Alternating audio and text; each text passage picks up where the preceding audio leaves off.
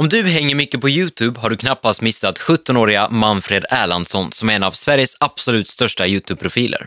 Numera även artist. Jag och Manfred känner varandra sedan ganska många år tillbaka nu och har bland annat gjort en podcast som heter Ännu en podd och en tidning som heter Oh My Vlog tillsammans. Idag har Manfred över 300 000 prenumeranter bara på sina båda YouTube-kanaler och nästan lika många följare på sin Instagram. Det är ungefär lika många människor som får plats i 37 och ett halvt Globen. Manfred, det är ganska många människor. Ser du dig själv som känd?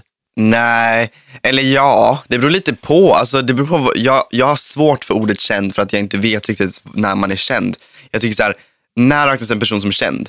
Det finns liksom ingen gräns. Är det när jag har några prenumeranter på YouTube eller är det när folk kommer fram till mig på stan? För det har jag ju, både prenumeranter och folk kommer fram till mig på stan. Så om man ser det så, ja. Men jag vill inte se mig som känd faktiskt. Men om folk kallar mig känd, det har jag inga problem med. Det, det får jag lite bättre självförtroende av ibland.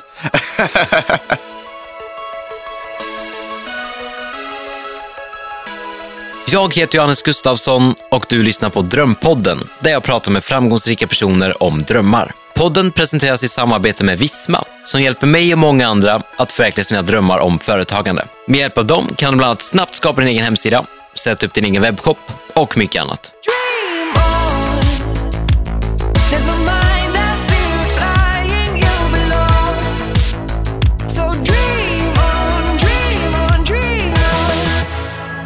Men precis som du själv säger, du vill inte kalla dig känd, men folk kommer ju faktiskt fram på stan och vill ta bild till exempel. Ja, om det är, om det, är det som, som gör att man blir känd, okej, då kanske jag är lite känd. Eh, och det är många som vet vem jag är. Och det är många som följer mig på mina sociala medier.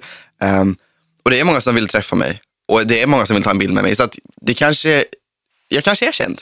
Jag, jag vet bara inte, jag tycker det är ett svårt ord. Och och jag har ingen riktig definition på ordet. Det är nog det det handlar om. Tycker du att det är jobbigt att vara känd? Eh, nej. Men du sa att du inte var känd. Precis, och hur fan skulle jag kunna veta ifall det var jobbigt? Nej, men alltså eh, offentligheten som jag, som jag eh, lever med tycker jag inte, oftast inte är jobbig. Oftast så tycker jag att det är jättekul. Oftast tycker jag att det är kul att när jag är ute och går så kommer det fram folk och, och vill ta kort eller vill prata lite. Eh, det kan vara väldigt trevligt och det känns som att man har kompisar i hela, hela Sverige och det är kul. Så att det, det finns såklart baksidor med det också, men det mesta som jag kan komma på är liksom positivt och jag tycker väldigt mycket om att vara en, att vara en, eh, en igenkänd person. jag, jag undviker verkligen ordet känd så mycket som det går, men, men ja, kanske är känd. Manfred Erlandsson, kändisen. Det är jag. Eller inte. Det är jag som är Manfred. Hur som helst vet många vem du är. Du hade en eh, speciell början på ditt liv. Du föddes i en bil, har jag Mm. Ja, hört. jag föddes i en bil. Jag är född, det låter ju lite skumt, så här, vi var ute på, på lite bilsemester och så. Nej, utan eh, det var alltså, jag, eh, de var, min mamma och pappa var på väg in till BB eh, i Karlstad, till, eh, till centralsjukhuset i Karlstad med mig. Eh, och de visste att jag var på väg att födas, liksom. så de, det var därför de åkte in. Men precis när vi kom fram till parkeringen och de stannade, pappa hoppade ur bilen Eh, skulle gå, för mamma kunde liksom inte gå. Hon hade så ont och hon satt bara i bilen och skrek typ. Men pappa skulle gå och hämta hjälp. Så han, han gick fram till, eh, till sjukhuset och plingade på dörren. Det var ingen som, som öppnade på ett tag. Liksom. Och under tiden när han stod där och plingade så föddes jag i bilen. Eh, och mamma eh, satt där i panik och eh, visste inte riktigt vad hon skulle göra. Eh, utan hon hade liksom en unge i sin hand. Lindade in mig i en mössa eh, och ett par strumpor som hon hade i bilen. För att det var liksom, eh, det var i november så att det var kallt. Så att hon började linda in mig i mössa och grejer. Så det var ju fint att hon gjorde det. Dramatisk början på livet. Väldigt, i alla fall för, eh, jag kommer inte ihåg det som något dramatiskt, men för dem är det ju väldigt dramatiskt. Och de, men idag så tycker man att det är en kul grej, men då var det såklart väldigt jobbigt för dem. Och det, vi har ju liksom gjort det här till en rolig grej också, att så varje gång på min födelsedag så åker vi in till eh, sjukhusparkeringen och sätter oss i bilen och firar. Eh, och det här, är, det här blev ju en liten grej, så vi, och vi åker fortfarande dit och vi har gjort det varenda år eh, när jag har fyllt år. Vad fint. Men om vi spolar fram från 1999 till Mm. eh, lite längre fram i ditt liv. Vad ville du bli när du blev stor? Jag har velat bli så många grejer. Jag kommer ihåg, no, eh, eh, det, det, det största har varit att jag har velat bli trollkarl. Eh, och jag hade ju en liten karriär där också som trollkarl, men det- började nog som trollkarl tror jag. Och det var när jag var fem år och fick min första trollerilåda. Det var en sån här Tobbes trollerilåda tror jag. Eh, fick en sån och jag var inte så intresserad då i början utan jag kollade på det och bara så, ah, men det ser kul ut, eh, men jag vet inte vad, vad, ska jag göra med det här liksom. Sen några år senare, jag kanske var nio, tio år, jag satt och kollade på YouTube då och hittade trolleritricks. Och sen blev jag så här, men jag har ju en trollerilåda. Så jag gick och hämtade den och bara, ja men jag kanske kan göra någonting. Så började jag leka lite med de här sakerna och kom på att trolleri var någonting för mig. Liksom. Och så blev jag trollkarl. Jag kommer ihåg på utvecklingssamtalen i skolan, även när jag var så här 5, 6, 7 år och inte trollade någonting så ville jag verkligen bli trollkarl. Det var mitt största mål. Man skulle så här, då skulle man skriva på, eller skriva vad man ville bli när man blev stor. Jag bara, så här, trollkarl, jag ska trolla. Eh, det blev jag inte riktigt, men jag hade några år där som trolleri som trolleri, som trollkarl och åkte ut på gig och körde festivaler och tillsammans med min kompis Arvid när jag var 10, 11, 12 tror jag. Så att jag, liten trollerikarriär blev det. Men eh, sen blev det annat också. Jag har försökt lite eh, dans också. Eh, jag har, det var kanske ingen karriär jag drömde om, men det var någonting jag tyckte var väldigt kul. Jag tycker fortfarande är väldigt kul. Och eh, cirkus har jag också gjort. Wow, Mm. vilket CV. jag vet inte, jag har trollat, jag har gått på cirkus. Jag vet inte hur seriöst det låter, men Sen brukar jag ju be alla mina gäster att eh, spola fram några år och eh, berätta om vad de, eh, hur de var när de var 17 år. Problemet är bara att du är 17 år idag. jag är 17 nu och hur, hur är jag nu? Men jag tänker att vi lämnar det och så hoppar vi istället fram till liksom så här, hur började allt? Ja, men alltså hur började allt? Jag tror att det är trolleriet som är anledningen till det jag gör nu, som är YouTube. Och eh, jag, jag tror att det föddes någonting inom mig då. Eh, Eller det hade nog kanske gjort innan också, att jag ville underhålla. Men, för jag, hade, jag har alltid velat vara i centrum eh, hela tiden. Jag menar, jag föddes i en bil. Klart jag ville vara i centrum. Uh, jag ville ha uppmärksamhet redan då. Nej, men det, när jag var typ så 11, 12, 12 var jag, så kom jag på att, men då satt jag och kollade på så här YouTube-kanaler på YouTubers och, och tänkte, men det här, det kanske jag också kan göra. För jag hade liksom ingenting för mig. Jag hade mina vänner, men jag kunde inte alltid vara med dem. Jag ville ha någonting annat att göra, för jag gick inte i någon sport. Jag har aldrig tyckt att det var kul. Så då blev det, då satt jag och kollade på andra YouTubers och sen fixade jag en kamera. Eh, och sen började jag filma videos liksom. Och ja, så började det.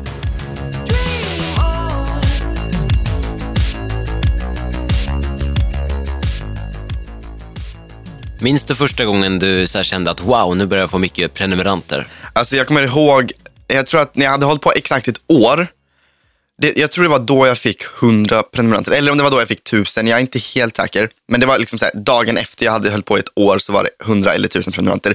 Och jag var så lycklig. Det var som ett bevis på att jag gjorde var bra. Även om det var 100 så var 100 liksom, det, det, det är en stor siffra. Och det är någonting som jag så här, aldrig hade tänkt innan jag, innan jag började med det där. Eller när jag började med det där. Eller när jag höll på med det. Um, men, men jag kommer inte ihåg när det började växa väldigt mycket. Men jag tror att någon gång, någon gång i eh, 2014, alltså när jag hade hållit på i två år ungefär, um, så började jag få pre- mer prenumeranter. Och jag tror att jag gjorde en collab med Beas liv som också är en youtuber och då någonstans så började min kanal växa mer. Um, hon hade några mer, mer prenumeranter än mig och det, då blir det lätt så att några av hennes kommer över till mig och så berättar de för sina vänner och så sprids det liksom. Och någonstans där så fick jag på en månad liksom flera tusen prenumeranter. Um, och det var liksom så här väldigt överväldigande och jag fattade inte riktigt vad som hände. För att man, man, det gör man inte när det kommer så här flera tusen och plötsligt är intresserad av det jag gör. Jag bara, men va, va, vad är intressant med mig? Liksom? Men tydligen var det någonting och de är kvar många av dem. Så det är jag väldigt tacksam för. Vad tror du är intressant med dig? Vad skulle du själv tycka? Jag tror att det är att jag är lite mystisk. Är du? Ja, men tycker inte du att jag är lite mystisk? Ibland är jag så här jättedjup och ibland är jag så här helt sprallig och, och, och all over the place. Eh, men jag tror att också, jag försöker på något sätt att alltid vara glad. Nej, men inte alltid vara glad, men att alltid sprida någon sorts eh, bra budskap eller positivt budskap. Någonting som jag kan stå för och tycker är bra. Eller så är det min glädje allt, att jag är positiv och att jag är liksom så här, att jag försöker att, att få folk att le. Jag vill vara en underhållare.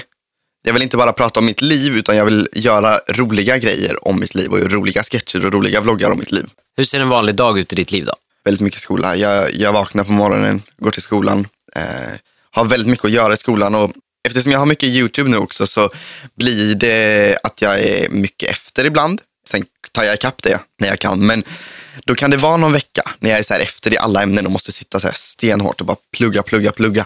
Och det är väldigt jobbigt. Speciellt om jag, för jag tar ledigt en hel del. Eh, minst en gång i veckan brukar jag säga, liksom, eller ibland två dagar i veckan. För att det är åka och på någon inspelning eller åka på ett annat möte någonstans eller liksom göra grejer. Och sen också varje dag efter skolan. Jag har aldrig tid att plugga efter skolan. För när jag kommer hem från skolan vid fem, fyra, fem så sätter jag mig med med annat jobb, med YouTube eller läsa mail eller ja, med filma videos, skriva manus, eh, redigera videos. Någonting som har med YouTube att göra. Till klockan är åtta, nio på kvällen och sen sover jag. Typ. Eh, så att det, det finns inte mycket tid för att plugga hemma heller. Så att en, en vanlig dag för mig är skola och YouTube-jobb. Men jag tycker det är väldigt roligt. Eh, så att jag gör ju det för att jag vill. Jag gör det inte för att jag vet att jag måste eller någonting sånt. Utan det är det jag verkligen vill göra och det jag brinner för. Så att när jag kommer hem från skolan så, så lever jag min dröm kan man väl säga på något sätt. Vad är det för skolor du går på? Jag går på en mediautbildning på Klara gymnasium i Karlstad. Och jag trivs väldigt bra där. Det är en bra skola, det är bra lärare. Jag gillar min klass och eh, ja, men jag lär mig liksom grejer såklart. Men, eh, ja, men jag, jag, jag tror jag absolut helst av allt skulle vilja bara göra YouTube just nu. Men jag vet att jag behöver den här utbildningen. Jag vill ha utbildningen. Och jag, jag tror att långsiktigt så ska jag liksom, jag, måste, jag vill göra det här. Det är bara att just nu känner jag att jag vill kunna lägga så mycket tid på YouTube. Och det känns ibland som att tiden inte finns. Typ. Att vara YouTuber, mm. det innebär alltså inte bara att filma videos som folk tror. Vad finns det för andra delar? Nej, men det är mycket, det är mail, svara på mail, eh, sitta i möten. Vad är det för mail, vad är det för möten? Eh, ja, men med olika företag, med olika, eh, ja, men det är mest företag som vill samarbeta med och så. Eh, möten. Och sen möten med, med mitt nätverk, med mitt eh, YouTube-nätverk. Om olika projekt vi har igång. Eller, och sen är det många inspelningar vi åker på. Det tar också tid utifrån, alltså inspelningar, det är inte bara inspelningar till min kanal utan liksom tv-inspelningar och, och sådana grejer, andra kanaler på YouTube. Och sen någonting som tar väldigt mycket tid att redigera. Det tar nog mer tid än vad folk tror. Och jag försöker att lägga mest tid på redigeringen för att jag, jag vill ha en video liksom perfekt typ när den är klar. Sen lyckas man ju aldrig med det. Jag, jag sitter alltid när jag har lagt upp en video och kollar på alla misstag jag har gjort. Eh, när redan många tusen har hunnit se den och bara, nej jag kan inte göra om det här liksom. Du säger att, um, att du sitter och kollar på dina videos och så hittar du massa fel. har du höga krav på dig själv? Ja, men jag har väldigt, jag har väldigt prestationsångest och, och när jag har lagt upp en video så blir jag alltid så här, alltså det kan vara att färgkorrigeringen är fel det, det, kan störa mig så mycket. För när jag sitter och redigerar mitt redigeringsprogram så färgkorrigerar jag alltså så att det ska bli, bli, bli lite snyggare. Och sen när det är uppe så, och typ 10 000 har hunnit se det så går jag in och kollar igen så här och bara, men det ser ju inte ens bra ut. Alltså det är alldeles för lila, det är alldeles för blått. Och så kan jag sitta där och bara så här, typ nästan må dåligt över att det är lite för dålig färg. Och det är inte alls bra. Och jag, jag, ins- jag vet ju själv att det inte är bra att jag tänker så, men det är någonting, jag vill få en video perfekt och jag vet att jag inte alltid kan det men då får jag prestationsångest. Jag kan bli så lite, lite nedstämd på grund av att en video inte är så som jag vill ha den riktigt. Du och jag känner varandra sedan tidigare mm. och för ett tag sedan så började dina visningar gå neråt. Alltså antal människor som kollar mm. på dina klipp. Och jag vet att du mådde väldigt dåligt över det. Nej, men så här, okay. Jag mådde lite dåligt över det där, eller ganska, jag, jag var liksom ganska nere och ofta. Och mina visningar är inte jättehöga nu heller, men jag har insett att det går upp och ner. Även, alltså det, det, gör det för alla sorts karriärer. Det är inte bara för YouTube, utan vart du än jobbar eller vad du än gör så kommer du ha upp och nedgångar. Och om, om min kanal inte går jättebra just nu, då kanske jag helt enkelt får låta det vara så, men fortsätta göra material precis som jag alltid har gjort och hoppas att folk nya hittar dit och att folk som har prenumererat på mig länge kommer tillbaka. För det finns liksom ingenting jag kan göra. Jag kan såklart bli bättre. Jag, jag gör bättre videos. Jag tycker att jag blir bättre hela tiden. Uh, och det är väl mitt mål att alltid utvecklas och bli bättre. Jag, jag, vill att de som kollar på mina klipp, det ska vara de som vill kolla på mina klipp. Liksom. Eh, det är klart att jag fortfarande är så här, och om jag märker att en video går väldigt dåligt, då tänker jag vad har jag gjort för fel? Och det har också med prestationsångesten att göra. Uh, att, ja, vad, vad, har jag gjort för fel med den här videon? Liksom? Varför går inte den bra? Är, det no är den tråkig? Är jag tråkig? Börjar jag bli dålig på YouTube? Alltså, så här, och så börjar jag fråga mig själv massa grejer. Um, så att, så att ja, men jag tror att jag har, det känns bättre nu och dessutom börjar visningarna gå upp lite. Men det, jag tror inte bara det har med det att göra utan jag tror att jag, det var några månader sedan det här och jag har liksom tänkt mycket på det och uh, kommit fram till lite svar och lite hur jag, hur jag vill se på det och hur jag ser på det och ändrat min uppfattning om det lite. Vad har du för uppfattning om det nu då? Att visningar inte är allt och det visste jag ju då också. Um, men att, att man kanske inte borde bry sig så mycket om visningar utan istället bry sig om de som faktiskt tittar, de som tycker att jag är duktig och gör någonting bra och att bry sig om det innehållet jag lägger ut. Göra en video som kanske 50 eller 100 000 ser men som är väldigt bra. Är det en motgång för dig? att du har som prestationsångest? Mm, det är det. Jag, jag, tror att jag kan hold back ganska många gånger för att, för att min prestationsångest eh, finns. Att jag kan så här, men det här kanske inte jag kan göra för att det kanske inte blir tillräckligt bra. Jag kanske inte kan. Men jag, jag tror också att jag är en pers som person som verkligen kämpar mot det jag vill. Och alltid om jag vill göra någonting så försöker jag i alla fall. Och försöker tills det blir bra. Men Som sagt efter det, som när en video och jag har lagt ut den och tyckte att den var bra och sen efter kom jag där och bara, men det kanske inte var så bra. Sådana grejer kan ju fortfarande hända, men jag, motgång kan det vara. Men jag, jag försöker alltid att vända på det och inte, inte låta det vara en motgång. Så här, personer kan aldrig vara motgångar för mig. Om någon säger att Manfred, så här kan du inte göra. Det är ingen motgång för mig, utan det är, det är till och med kanske ett, ett argument för mig att fortsätta ännu mer. För att, ja, men om du, okej, då ska jag bevisa för dig att jag, ska, jag klarar det här och jag kan göra det här. Och jag kan göra det så jäkla bra. Liksom.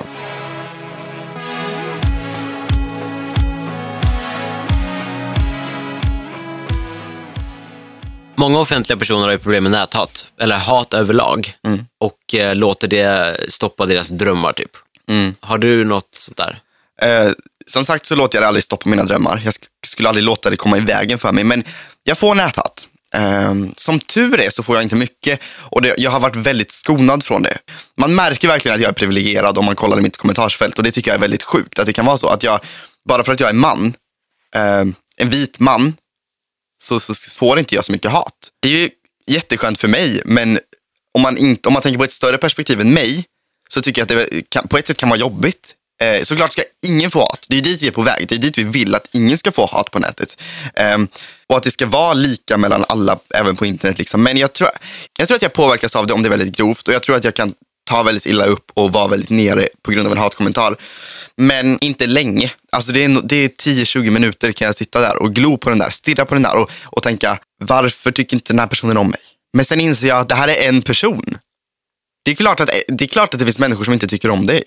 Om man istället tänker på alla de 5000 kommentarerna från folk som tycker om dig. Det finns ingen lycklig person som sitter och skriver näthat. Det finns inte det. Alltså det om man mår bra, då, då finns det ingen mening att sitta och skriva skit till någon på internet. Liksom. Sen är det en helt annan sak ifall det är konstruktiv kritik. Om det är typ så här, det här var ingen bra video Manfred. Ehm, du kan göra så här istället. Eller, ja, men, det är en helt annan sak. Det ser jag inte som hat. Utan hat, då, då är det lite grovare tycker jag. Grövre kanske man säger, men ja, Vad är den vanligaste kommentaren du får då? eh, som är hatisk menar du? Ja. Egentligen, jag ser det inte som hatiskt när det, det handlar om så här att, ja, men sexuella läggningar och någon, folk som bara slänger ut sig ord och bara bög eller gay eller du är så bögig. sådana här grejer. Och man bara, men hörru, vem bryr sig? Eh, först och främst, vem bryr sig om min sexuella läggning? Jag tar inte illa upp av kommentaren i sig. Men jag vet att folk som sitter och läser de här kommentarerna som kanske är homosexuella eller, eh, ja, men, eller som, ja, men, det kan vara andra kommentarer också. Så därför är det klart jag rensar bort de kommentarerna. Om man är homosexuell, då är man det. Och, och det, det, ska inte vara liksom, det ska inte vara något negativt. Vi får inte se det som något negativt. Vad har du för dröm egentligen då? Ja, men på ett sätt att fortsätta med det jag gör nu eh, och utvecklas och bli typ hundra gånger bättre. För jag vet att det jag gör inte är perfekt, även fast jag gärna vill tro att det är det. Eh, och jag vill, vill bli bättre på det jag gör. Att, att jag ska bli bättre, en bättre person, för det kan man alltid bli. Och inte att jag ska förändra mig på massa sätt, utan att jag, jag ska liksom eh, utvecklas som person och som youtuber. Men min, min, min dröm med youtube, kanske i framtiden jobba med youtube. Och då menar jag inte liksom, jobba med att göra egna Youtube videos bara, utan att kanske jobba med att producera youtube för andra eller för företag. Eller, jag vill på något sätt jobba med den formen av, eh, av media. För jag tror ju starkt på att i framtiden kommer det finnas större produktion för Youtube. Det finns eh, så här, företag nu och nätverk som producerar Youtube-material, men produktionsbolag som gör bara för Youtube-kanaler. Också att fortsätta med min kanal. Men det kan vi kanske alla förstå att den kommer inte finnas för alltid och jag kommer inte göra det för alltid på det sättet jag gör nu. Men och sen också liksom, jag vill ju, jag vill ju köra på den här musik... jag vill ju hålla på med musik och det har ju alltid varit en dröm för mig och just nu kanske mest också. För du har faktiskt börjat släppa musik. Ja, men alltså, det här är ju så roligt. Jag eh, som känner Manfred kan ju säga bara flika in att eh, jag trodde att han skojade första gången. Ja, men jag kom så här, jag ringde till Johannes och bara, du, jag har signat ett eh, skivkontrakt precis. Han bara, men det, nej det har du inte alls. Och jag bara, jo men jag har det, typ. Um, och jag har, jo men jag har släppt en låt och, och det är så här, det är någonting som jag alltid har velat men alltid hållit inom mig också typ. Every time I kiss you, baby, like it, it, it, it's getting late. Every night I ask you, say like yeah, no. And when I say fine, maybe go away, you like Och jag har inte trott att jag kan sjunga och jag är inte världsbäst på att sjunga heller, det vet jag liksom. Så den här musikgrejen kom när jag, jag satt på ett möte med min manager eh, som, är, som jobbar på mitt YouTube-nätverk. Jag satt med henne och sa, men vad, vad kan vi hitta på för något kul? Liksom? Någonting på sidan av liksom, som jag kan kanske göra mer i framtiden eller någonting. Och jag, jag kom på den här, men du, jag har ju en dröm om att göra musik. Så hon skickade iväg ett, ett mejl till ett skivbolag.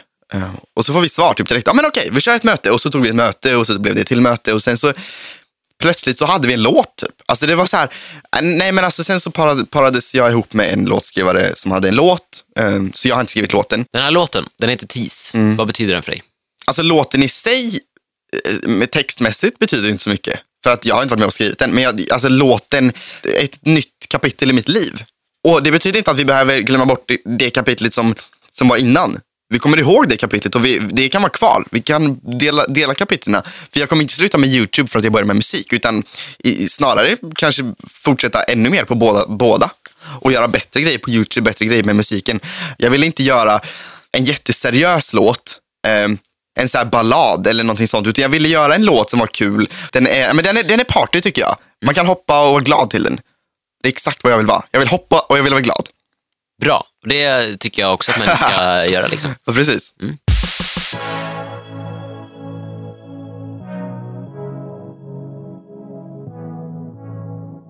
Jo, men alla drömmar du har haft genom livet, har du någon gång varit nära att ge upp på någon?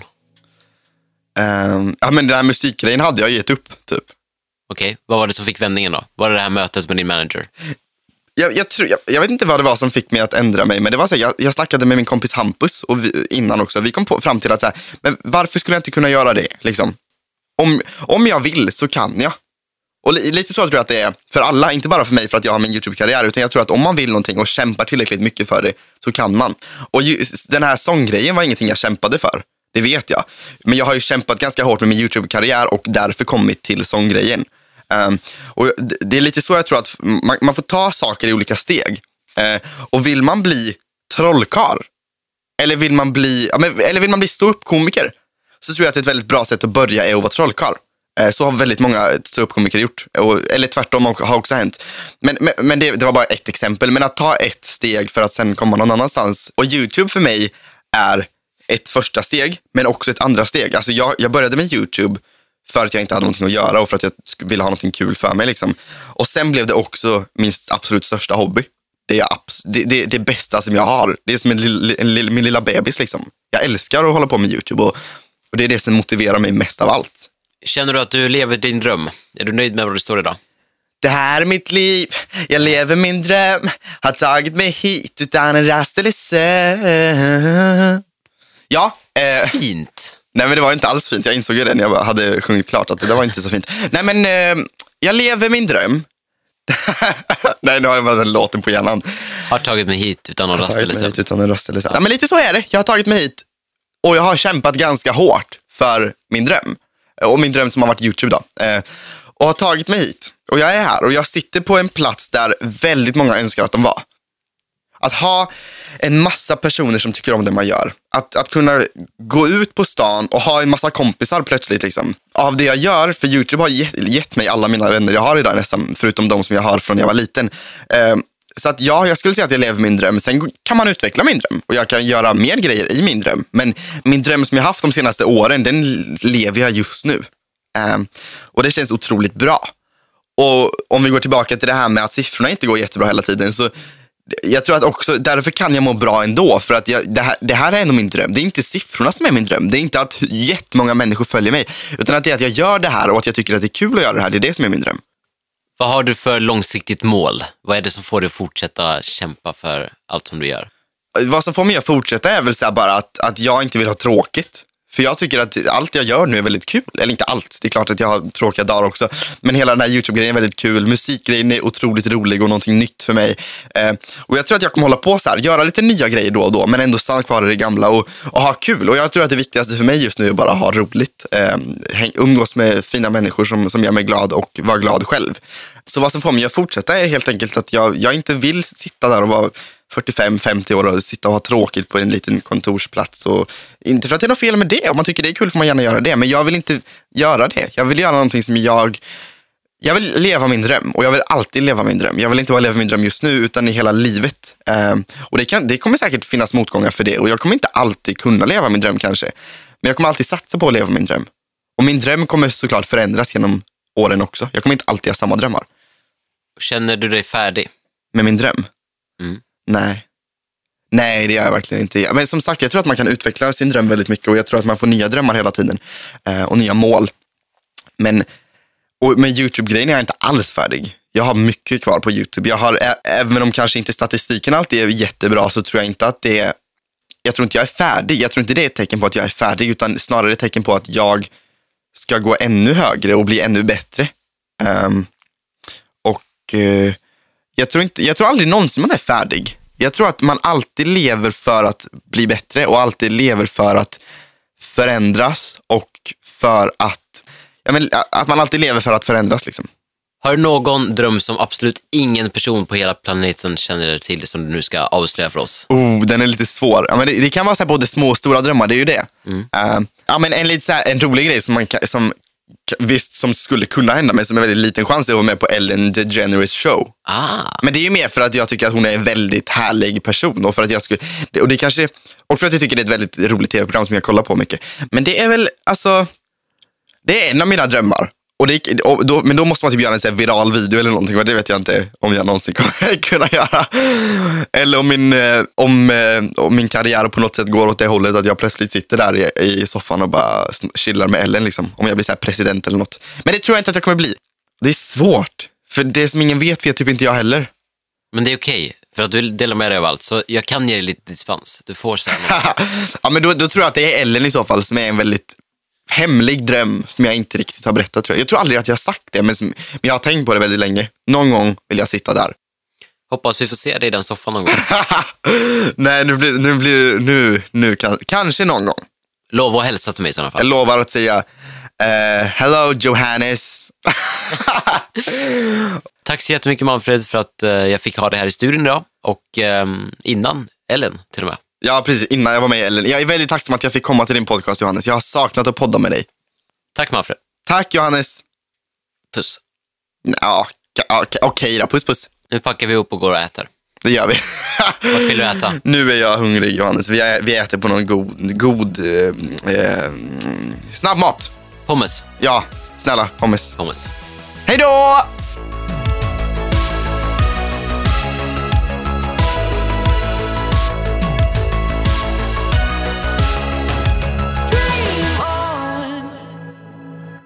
Produceras av I Like Radio.